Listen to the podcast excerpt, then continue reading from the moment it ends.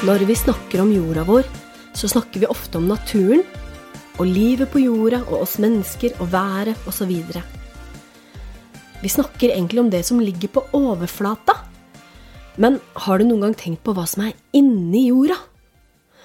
Jorda er jo som en kjempestor kule. Hva er det egentlig inni denne kula? Det tenkte jeg at jeg skulle prate litt om nå. Jorda er nemlig laget av to stoffer stein og metall. Hvis vi ser på bakken, så ser vi ofte stein og berg, og hvis vi graver dypt nok på havbunnen eller på bunnen i skogen, så vil vi ofte komme ned til stein. Jorda er faktisk en steinplanet. Men visste du det at jorda er ordentlig varm i midten? Og derfor så er steinen som er inni jorda, flytende. Du har kanskje hørt om lava? Om lava som spruter ut av en vulkan? Det er egentlig den steinen som er inni jorda, som kommer ut. Og det heter magma. Den kan være opptil 1000 grader varm. Jorda er altså hovedsakelig laget av stein. Og det gjør at vi har veldig mange typer stein på kloden vår. Vi kaller det ofte for bergarter. Og jeg har tenkt til å fortelle om de tre eh, typer bergarter vi har.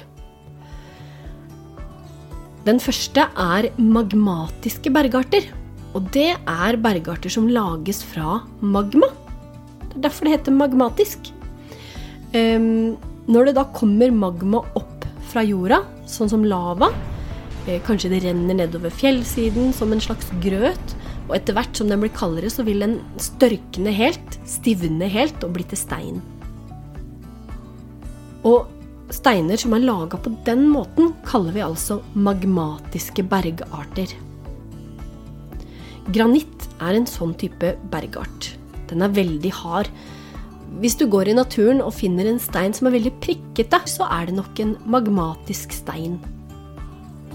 Den andre bergarten jeg skal fortelle om, heter metamorfe bergarter. Metamorf betyr forandret. Altså det er stein som har endra seg.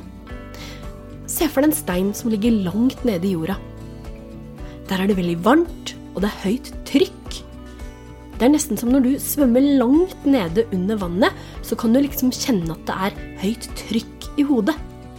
Sånn er det for den lille steinen, bare at det er enda mye mer trykk. Da vil steinen forandre seg. Så selv om steinen kanskje var en magmatisk stein, så blir den nå veldig annerledes. Det er nesten som når du har en kake i ovnen, og hvis du steker den lenge nok, så blir den ganske annerledes. Marmor er et eksempel på en sånn type bergart. Den siste bergarten som jeg skal snakke om, er sedimentære bergarter. Det er rett og slett når rester av grus, eh, sand eller leire samler seg opp og til slutt blir til et berg. Eh, det skjer kanskje eh, i nærheten av vann. En elv kan gjennom mange mange, mange år dra med seg sand og leire. Og så kanskje lagrer det seg på et sted, lag på lag. Og etter noen millioner av år så blir det mange lag som etter hvert stivner. Og da sier vi at de blir forsteinet. Og det er da en sedimentær bergart.